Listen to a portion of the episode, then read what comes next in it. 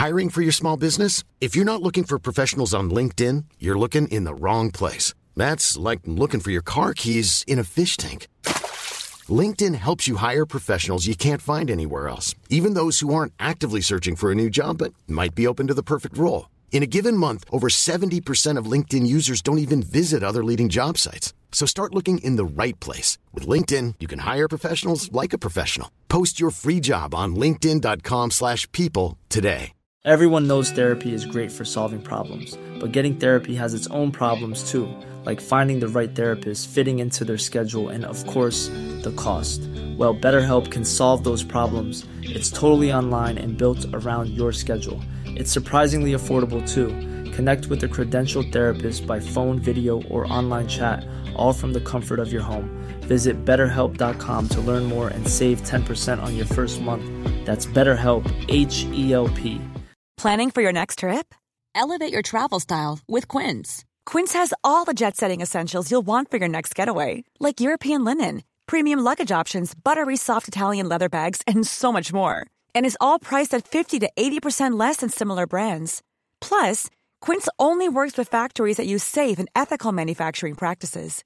Pack your bags with high-quality essentials you'll be wearing for vacations to come with Quince. Go to quince.com slash pack for free shipping and 365-day returns.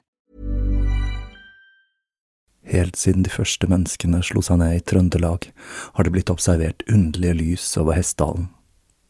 Fenomenet har blitt forsøkt bortforklart som syner sett av bygdetullinger og deliriske hallusinasjoner forårsaket av den lokale drikkekulturen.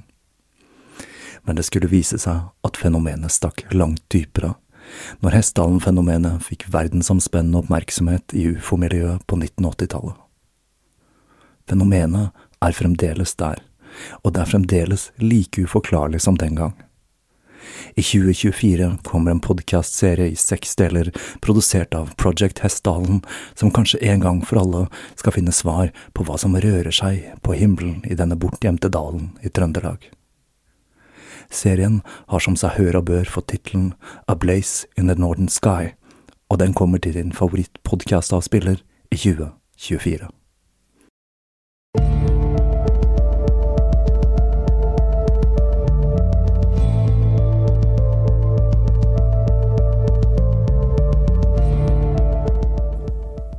Hei og velkommen til Tåkeprat.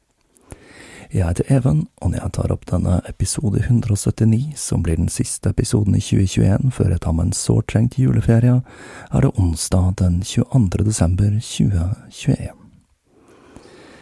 Nå er det altså snart gått to år med pandemi, og det er vel få som forestiller seg at vi noen gang blir kvitt covid-19 og de fleste har nok innfunnet seg med at dette ikke lenger dreier seg om en pandemi, men at covid er blitt et endemisk virus.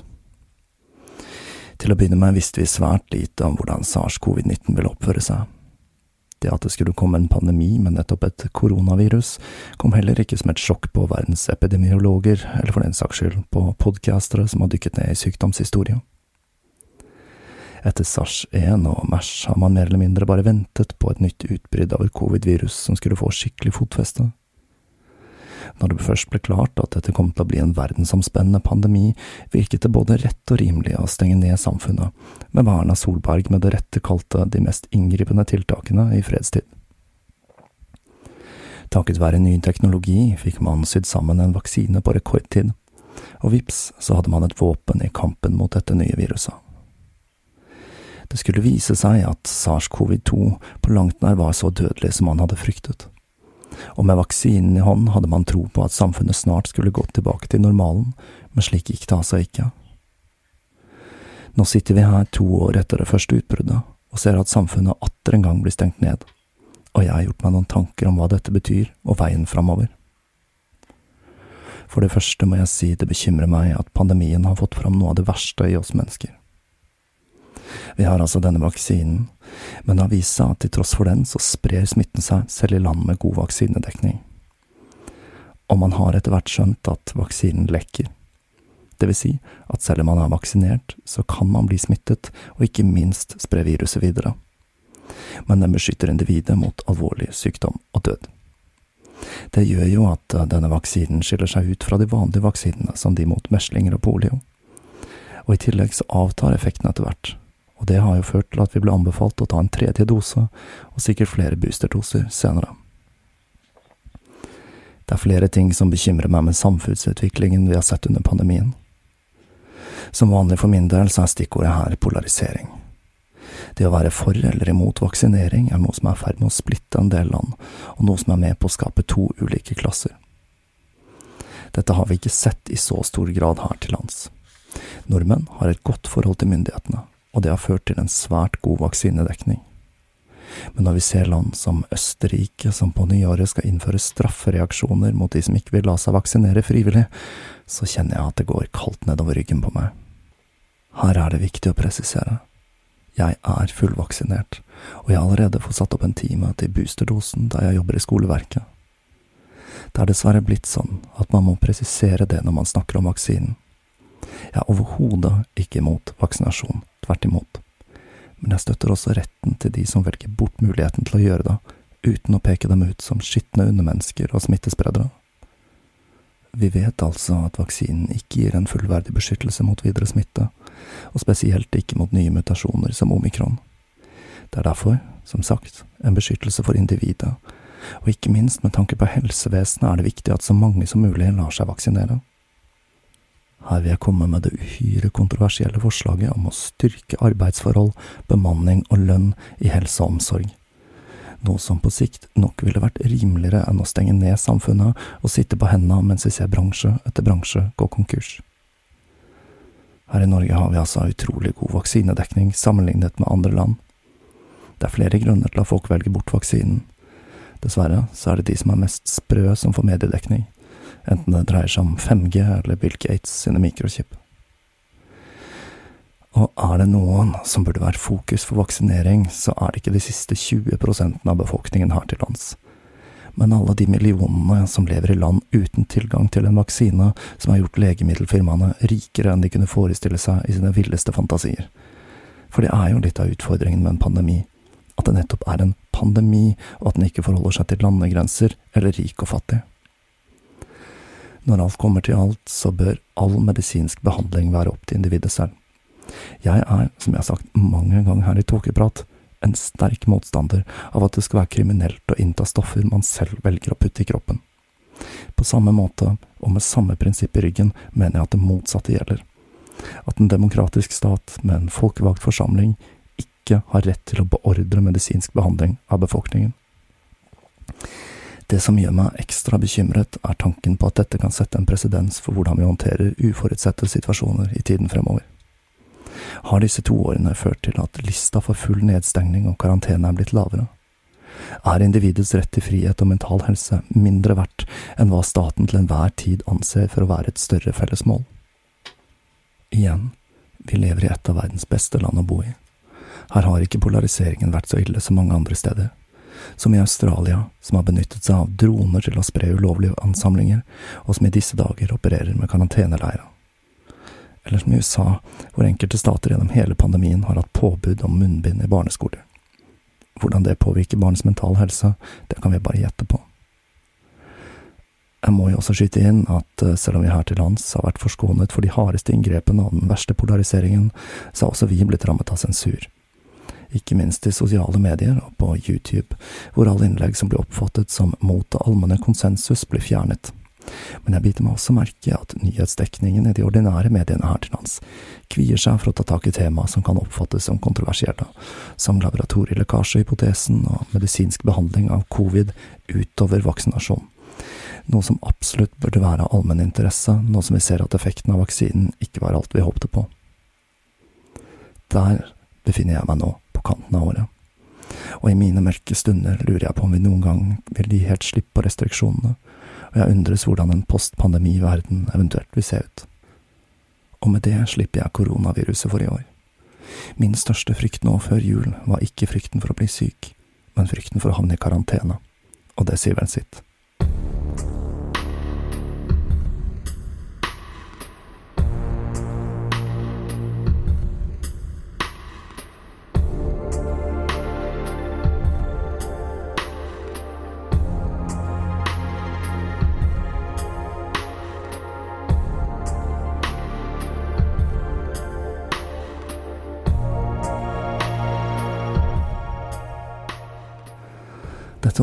Naturligvis vært eh, preget av pandemien for min del, men det har skjedd mye annet artig også. 2020 var et år preget av en tilværelse i min ungkarsleilighet, men det skulle forandre seg når jeg klasket til og giftet meg for første gang den 22. januar i år. Det skulle vise seg å være i grevens tid, for dagen etter hva som var et ekstremt minimalistisk bryllup, med kun tre representanter fra kommunen i tillegg til meg og kona, ble landet stengt ned på ny. Vi gjorde ting litt baklengs og startet med gifting, for så å se etter en leilighet til oss og poden jeg fikk med på kjøpet. Det skulle vise seg å ta litt tid i et overopphetet boligmarked, men det løste seg til slutt, og sommeren 2021 skulle bli enda en tid som var preget av pakking, rydding, vasking og flytting for min del. Jeg må si at etter et par år med flyttesjau, så ser jeg nå fram til å bli ganske værfast boende her i lang, lang tid fremover. For nå var tiden inne for å vende tilbake til min fødeby Oslo etter tolv år i eksil. Det aller første som sto på planen i vår nye leiligheten, var å bygge meg et studio. Så allerede før vi flyttet inn, så var jeg i gang med å innrede et rom tilpasset podkastproduksjon. I den forbindelse gjorde jeg et par etterlengtede utstyrsoppgraderinger, i tillegg til at jeg har fått ordnet meg noen praktiske løsninger til både instrumenter og varer til nettbutikken.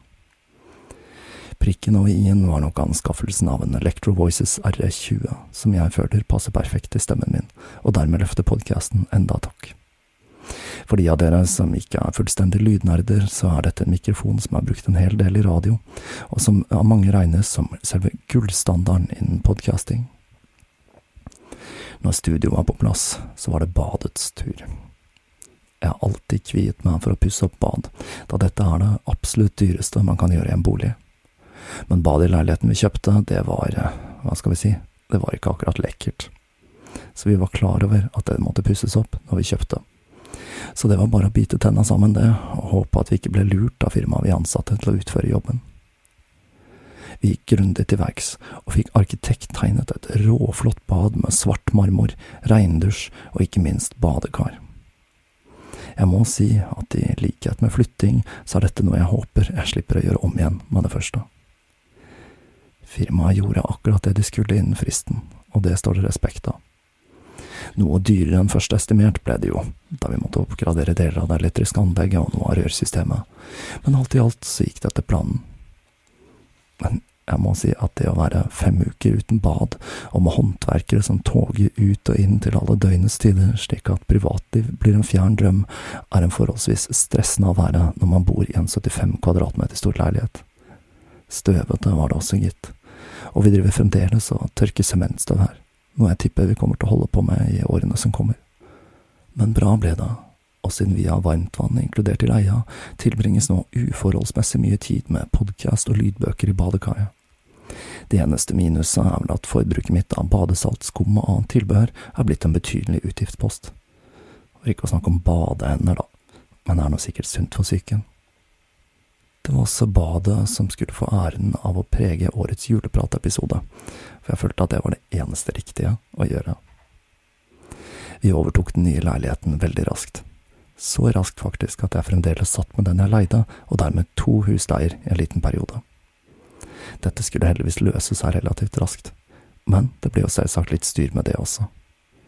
Jeg bestemte meg nemlig for å engasjere et firma til å vaske ut av leiligheten, for å slippe å ta den delen selv midt i flytting og oppussing. Men det skulle jo vise seg at dette firmaet ikke gjorde en helt optimal jobb, og etter de hadde forsøkt seg to ganger, så gadd jeg rett og slett ikke mer, og gjorde den siste delen av jobben selv. Og slik har nå året gått med ny familie, leilighet, flytting, oppussing, og så jobb, da, selvsagt. Det er vel det man kaller et A4-liv, dette her. Hva er det som har skjedd? For å toppe det hele, så er vi gått til anskaffelse av et par undulater her. Og sånn er det blitt, altså. Men ikke for det. Jeg har hatt en rekke dyr opp igjennom, men dette er første gangen jeg har hatt fugl. Og jeg må si det er litt interessant å se hvordan fugler samspiller med omgivelsene sine, mens jeg forsøker å forstå hva som foregår i de små hodene deres. Det er tidvis litt som en Disney-film med to fugler som flakser rundt her, og de har til og med kommet på godfot med nabolagets skjæreflokk, så jeg er spent på å se åssen dette utvikler seg. Det er jo litt fint å ha funnet stabilitet i livet, jeg føler at dette gir meg en viss balanse og en jording fra et ellers så hektisk, selvpålagt sådan yrkesliv. Jeg har eh, kastet til side mange aspekter av det tradisjonelle livet samfunnet forventer at man skal leve. En gang i tiden så hadde jeg en godt betalt jobb med karrieremuligheter og en stabil tilværelse, akkurat slik det er forventet at man skal ha. Men jeg følte at det var noe som sakte, men sikkert spiste opp sjelen min fra innsiden. Det er nok mange som biter tenna sammen med en vag drøm om at man skal kunne leve et lykkelig liv når man er pensjonist, men det er ikke meg. Det er nå, akkurat nå, man skaper livet sitt, og ikke i en imaginær framtid, for hvem vet hva framtiden vil bringe. Jeg tror lykken kommer gjennom å drive med noe som gir livet innhold og mening, og ikke å innfinne seg med normen om at det er materiell velstand som er det endelige målet, slik at man kan sitte på stranda med en drink i hånda etter fylte 67. For meg har det gang på gang vist seg at det er kreativitet og det å skape som gjør livet verdt å leve, for min del. Jeg har også tatt det bevisste valget å være frivillig barnløs. Det er flere årsaker til det, men kort fortalt så er jeg ikke så veldig optimistisk med tanke på framtiden. Vi er nok folk sånn som det er, og barn som vokser opp i dag, møter en stadig mer digitalisert verden de små hjernene deres ikke er konstruert for å navigere, og samtidig så arver de konsekvensene av at ikke vi har vært spesielt flinke til å ivareta økosystemet vårt. Men nå har jeg altså plutselig blitt stefar midt oppi alt sammen, og det er jo en fin måte å kunne bidra til den nye generasjonen uten å produsere flere mennesker, så jeg føler at dette er et vinn-vinn, selv om det er noen dager jeg stusser over hvordan jeg plutselig ble familiefar over natta. Jeg må si det føles litt som om universet har en plan med meg, siden jeg plutselig fikk jobb på barneskole, og nå plutselig er del av oppdragelsen til en ny verdensborger. Jeg synes jeg kan høre Gaia le i det fjerne. Men midt oppi alt dette så har det jo blitt litt tid til podcasting, og jeg må si at nå som studioet er på plass og all kritisk oppussing og flytting er overstått, så er det langt enklere for meg å jobbe med tåkeprat. Og jeg håper det kommer dere lyttere til gode til neste år.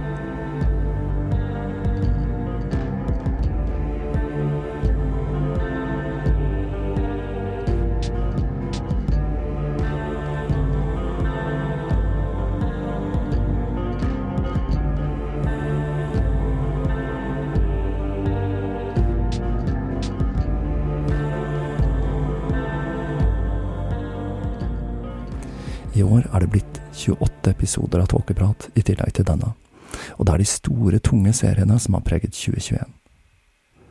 Den aller første episoden i år var episode 151, Fril, hvor jeg tok for meg Maria Orsik, en kvinne som etter sigende kanaliserte tegninger til flygende tallerkener som ble brukt av nazistene. Historien om Maria skulle vise seg å være akkurat like sketsjy som jeg hadde regnet med og etter å ha tråklet meg gjennom litteraturen om henne, så har jeg vel kommet fram til konklusjonen om at denne gruppen med usedvanlig vakre kvinner som levde i solibat, og som kanaliserte vesener fra Aldabaran, neppe er noe mer enn gutteromsfantasier til ufo-entusiaster. Men gøy, det er det like fullt. Det blir liksom aldri helt feil med nazister og ufoer. Og så gjorde jeg et tematisk byks. Egentlig hadde jeg tenkt å ta for meg et litt mer overnaturlig tema, men jeg ble så mett av den Friele-episoden at jeg bare måtte ta for meg noe skikkelig jordnært, og da endte jeg opp med livshistorien til Walter Freeman. Walter Freeman var mannen som populariserte lobotomi, og denne historien var et ganske interessant dykk ned i psykiatriens historie, sett gjennom øynene til hva vi må kunne kalle entertainer-kirurgen Walter Freeman, som utførte lobotomier med publikum og presse til stede, og som gjorde underholdning til et virkemiddel for å spre psykokirurgi og gjøre lobotomi til et allment akseptert inngrep. Historien om lobotomi er langt fra så svart-hvit som man kan like å tenke seg i dag, og teknikken, som strengt talt var et stykke hjernekirurgisk bingo, virket av og til slik man ønsket, og det var i mange tilfeller bedre enn å måtte spenne fast pasienter på institusjoner resten av livet. Men det er også en historie om mange tragiske skjebner, her husker jeg spesielt historien om Rosemary Kennedy, søsteren til JFK, som ble lobotomert i en alder av 23 og tilbrakte resten av livet stuet vekk på en institusjon fram til hun døde i 2005 i en alder av 86 år. Walter på sin side tok lobotomien til nye høyder når han utviklet Isake-lobotomi, en teknikk man kunne utføre i ikke-sterile omgivelser, og som muliggjorde masselobotomering. Mens jeg jobbet med denne serien og gravde meg ned i psykiatriens grums, fikk jeg selv et ublidt møte med psykens skyggeside, da jeg plutselig falt ned i en dyp depresjon like etter den tredje delen i denne serien. Det var nok en kombinasjon av ting som utløste dette, men som med mange andre så har nok pandemi og isolasjon satt sitt preg på meg. Jeg kom meg forholdsvis raskt ut av dette, og som en del av den prosessen bestemte jeg meg for å lage en episode This Mother's Day, celebrate the extraordinary women in your life with a heartfelt gift from Blue Nile. Whether it's for your mom, a mother figure, or yourself as a mom, find that perfect piece to express your love and appreciation. Explore Blue Nile's exquisite pearls and mesmerizing gemstones that she's sure to love. Enjoy fast shipping options like guaranteed free shipping and returns. Make this Mother's Day unforgettable with a piece from Blue Nile. Right now, get up to 50% off at BlueNile.com. That's BlueNile.com. Millions of people have lost weight with personalized plans from Noom, like Evan, who can't stand salads and still lost 50 pounds. Salads, generally, for most people, are the easy button, right? For me, that wasn't an option. I never really was a salad guy. That's just not who I am. But Noom worked for me. Get your personalized plan today at Noom.com. Real Noom user compensated to provide their story. In four weeks, the typical new user can expect to lose one to two pounds per week. Individual results may vary. om nettopp depresjon og pandemi, og det førte til episoden Hjernevirus, hvor jeg blant annet snakker med Thomas Seltzer om nettopp hvordan pandemien påvirker den allmenne psykiske helsen til befolkningen. Depresjon og pandemi til tross, podcast, det skulle det bli. Og etter å ha stablet meg sånn noenlunde på beina igjen og gjort ferdig den fjerde delen i serien om Walter, gjør jeg løs på den neste store serien, Leiesoldaten, som er en serie som handler om John Hawkwood, en mann som skulle bli en politisk drivkraft i middelalderens Europa. Dette er en serie der vi stifter nærmere bekjentskap med nettopp leiesoldatene, og hvilken rolle de spilte i den europeiske middelalderen.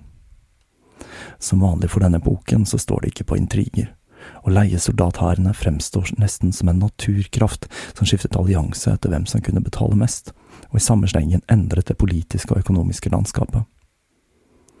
Samtidig er dette en fortelling som formelig oser av møkk, sykdom og religiøs fundamentalisme, i tillegg til den vanlige middelalderske dekadansen. Og midt oppi dette kaoset er det en engelsk bueskytter og soldat som spiller en nøkkelrolle i maktkampen mellom kirke og bystatene i Italia. Fra leiesoldater og helgener som drakk verk fra sår, gikk jeg over på et helt annet tema, og en enkeltstående episode i episode 162, Lilith. I denne episoden ser jeg litt nærmere på denne første konen til Adam, som har blitt fryktet og omfavnet i ulike kulturer. Og jeg må si at denne episoden er en av mine personlige favoritter fra året som gikk. Det var rett og slett en fornøyelse å jobbe med et litt mer lettbeint tema blant alle de tunge som har preget året. Og Lilith, hun har vært en favoritt her i gården i lang tid. Etter Mor til alle nattens barn var turen kommet til Diane Fortune i serien The Inderdisa. Dion Fortune var en bauta i vestlig esoterisk tradisjon, og det er en person jeg har hatt på lista over tematikk i lang tid. Men det er også en vanskelig dame å lage podkast av, da det meste av historien hennes er en historie om indre arbeid og okkulte studier. Det var uansett interessant å jobbe seg gjennom livet hennes, og finne de røde trådene som kobler henne ikke bare til ordener som Golden Dawn, men også til kanalisering og grupper som Det teosofiske samfunn. Og selvsagt Selvsagt så dukker også Crowley opp i historien hennes. Jeg kjenner at jeg savner Crowley litt, og jeg lurer på om jeg ikke skal plukke opp noen løse tråder fra livshistorien hans til neste år. Denne serien kom midt i sommerferien, så jeg får bare beklage til de som ble litt støtt av mitt lille reisebrev fra Røros, men jeg hadde behov for å lade ut litt etter 14 dager med min nye svigerfamilie. Jeg kommer for alltid til å tenke på Røros som byen med vannposten. Etter Dion Fortune var tiden inne for å gyve løs på hva som skulle bli den største serien i 2021, når jeg bega meg i kast med historien om Gabriel Denancio.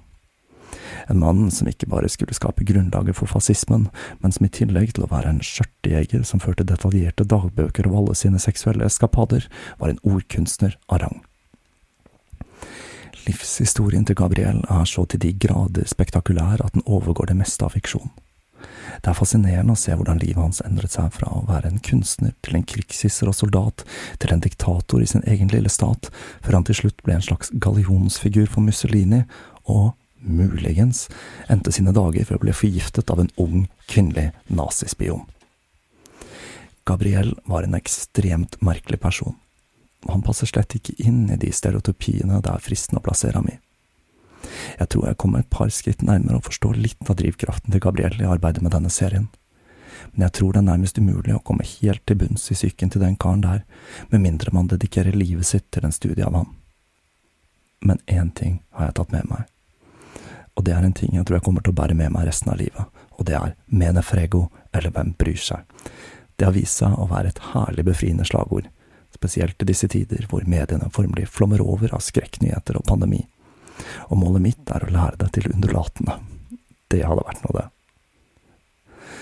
Etter å ha dykket ned i livshistorien, poesien og psyken til denne småperverse italienske krigshisseren, så følte jeg behov for å lage en episode om noe helt, helt annet. Og det var da jeg kom på en historie fra islendingesagaene jeg kom over for noen år siden. Og det resulterte i episoden Norrøne skrømt og det var virkelig befriende å gyve løs på en enkeltstående episode om noe som er oss så nære som en historie om hjemsøking i vikingtiden. Det som gjorde det hele litt ekstra artig, er at en lytter bor like ved gården der historien foregår.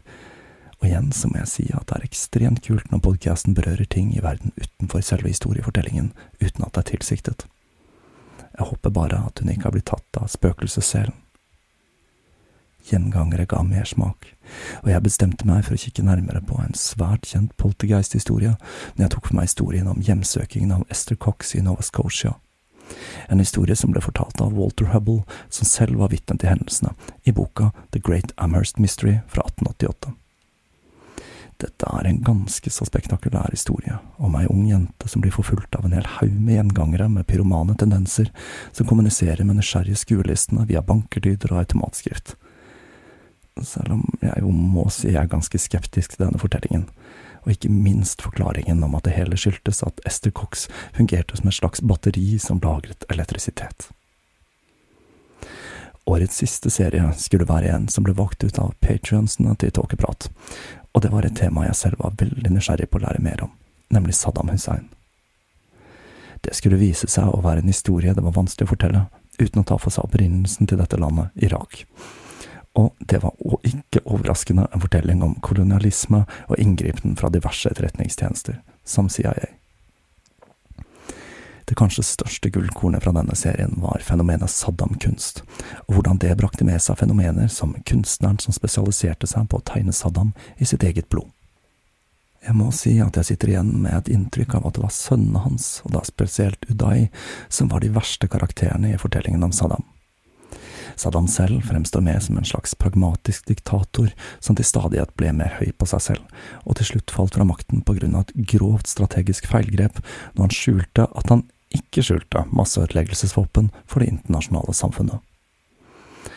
Og det var det. Det har stort sett vært lengre serier altså, som har preget dette året, og for det meste tung tematikk det har gått med mye forarbeid til. Jeg tror jeg skal forsøke meg på litt flere enkeltstående episoder til neste år.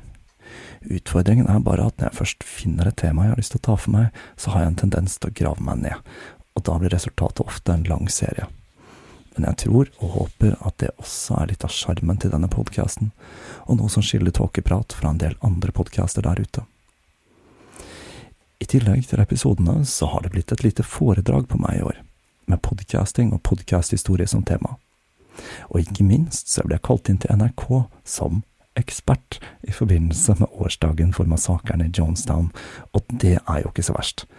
Jeg håper at 2021 vil by på flere slike muligheter, og det kanskje også vil åpne seg muligheten for opptredener i andre arenaer når smittetrykket avtar, og når politikerne klarer å senke skuldrene et par hakk. Men nå er jeg uansett ekspert, og det er noe å skilte med.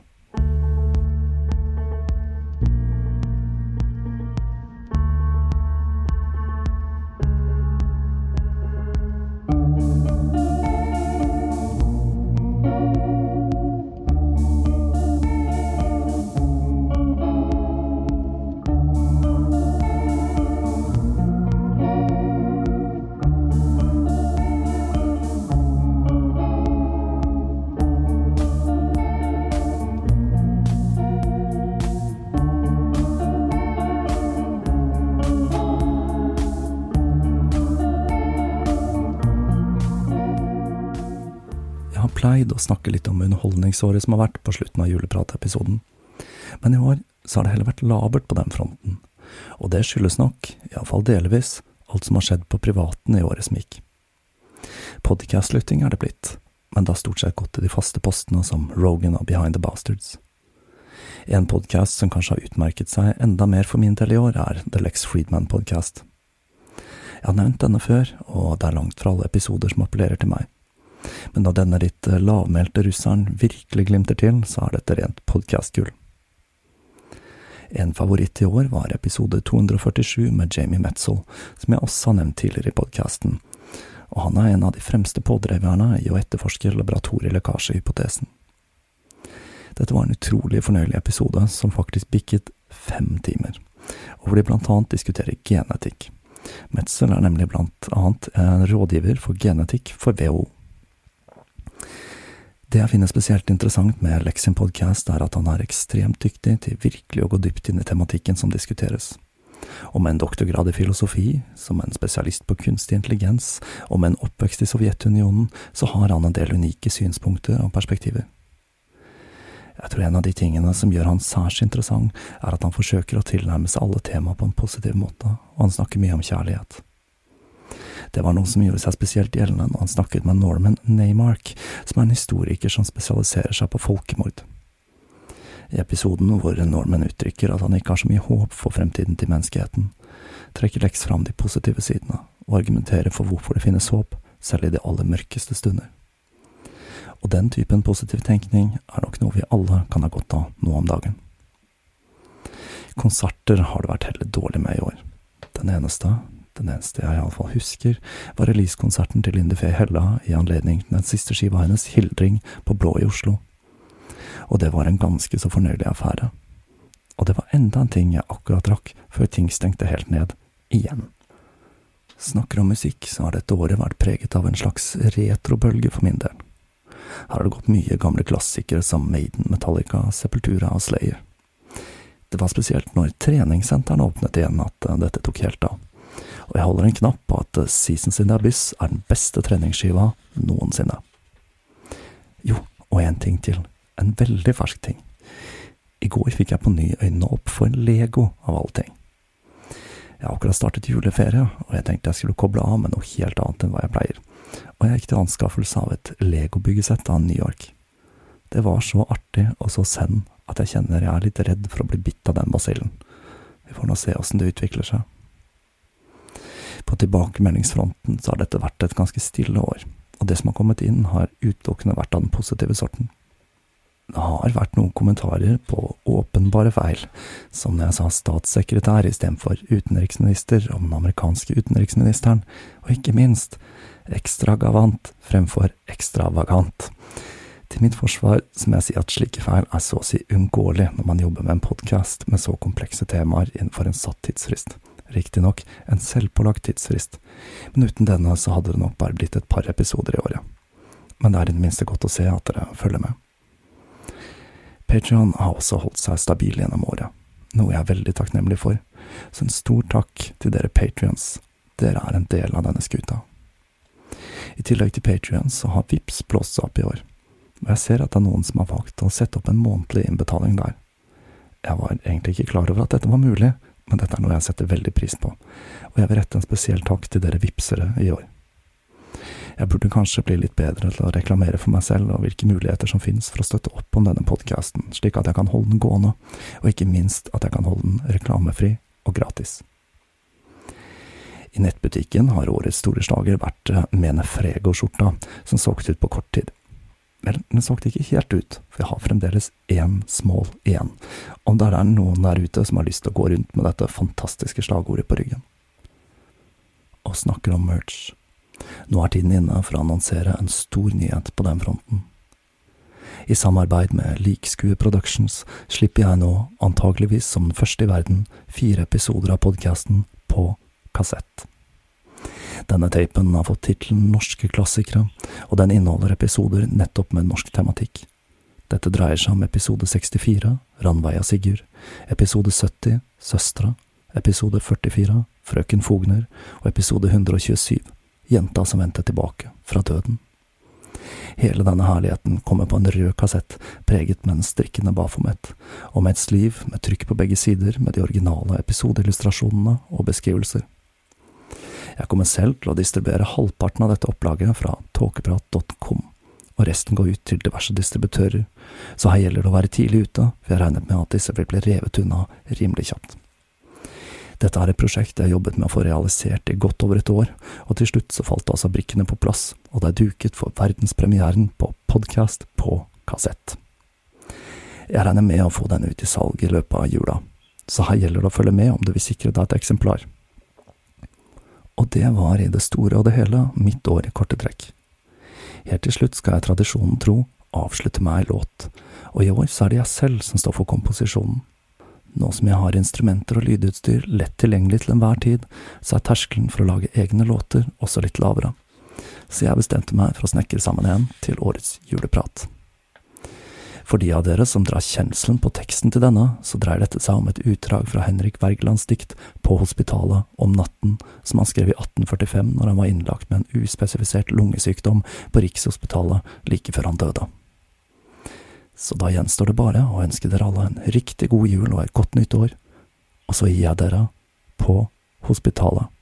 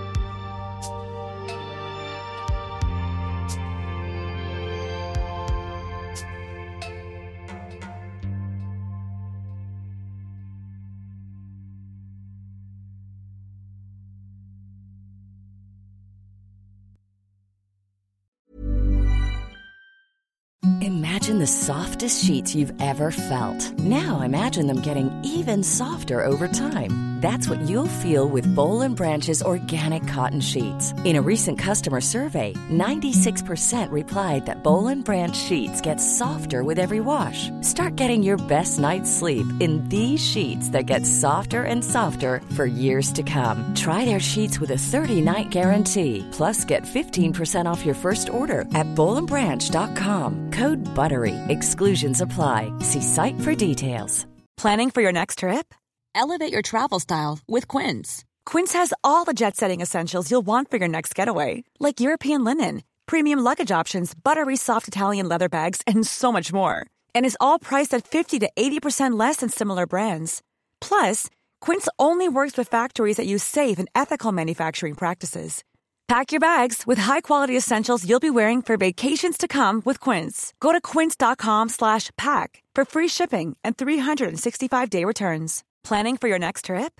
Elevate your travel style with Quince. Quince has all the jet-setting essentials you'll want for your next getaway, like European linen, premium luggage options, buttery soft Italian leather bags, and so much more. And is all priced at 50 to 80% less than similar brands. Plus, Quince only works with factories that use safe and ethical manufacturing practices. Pack your bags with high-quality essentials you'll be wearing for vacations to come with Quince. Go to quince.com/pack for free shipping and 365-day returns.